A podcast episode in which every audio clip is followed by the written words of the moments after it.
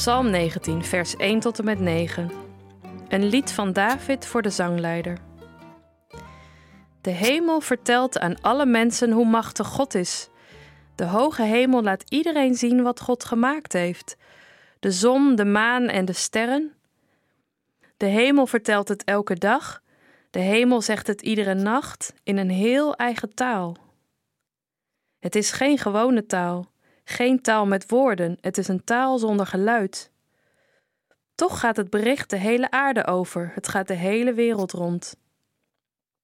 God gaf de zon een plaats aan de hemel. Elke ochtend komt de zon stralend tevoorschijn.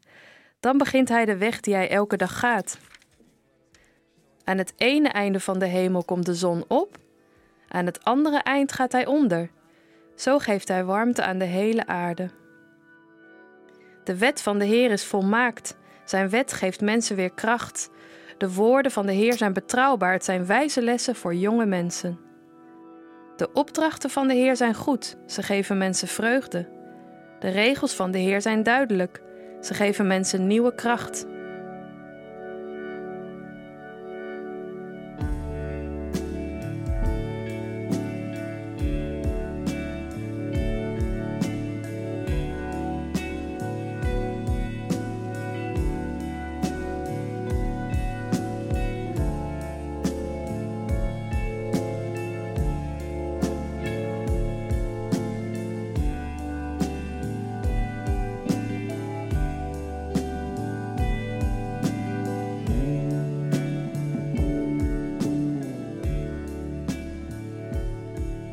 Ik hou van de hemel.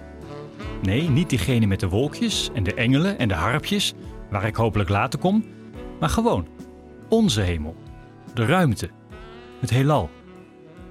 In deze psalm worden ze genoemd. De hoge hemel laat aan iedereen zien wat God gemaakt heeft.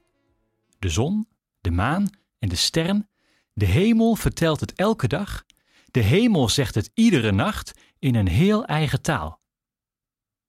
Maar juist dit heelal is voor veel mensen een reden om niet in God te geloven.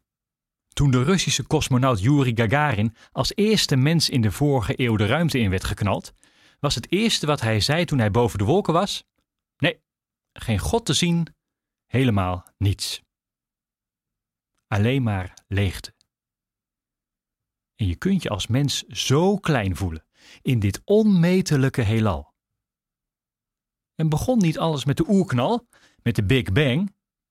Dat hele scheppingsverhaal in zes dagen, dat kan toch niet? Maar toch, ik heb eens gehoord dat als de aarde een paar kilometer dichter bij de zon stond, dat het hier te heet zou zijn om te leven. En als hij ook maar iets verder weg stond, was het weer te koud. Het klopt allemaal precies. En die Big Bang, in één miljoenste deel van een seconde werd alles bepaald. De tijd, de zwaartekracht, de materie, het leven zelf. Eén fractie sneller en alles was weer in elkaar geklapt in een zogenaamde Big Crunch. Eén fractie later en alles was verwaaid in het niets. Het klopt allemaal precies. En zoals we nu om ons heen kijken in het heelal, zijn wij inderdaad de enige planeet waar we kunnen ademen, waar we kunnen bestaan. En als er al een andere plek is, dan komen we daar nooit op tijd. Daarvoor is het heelal te groot.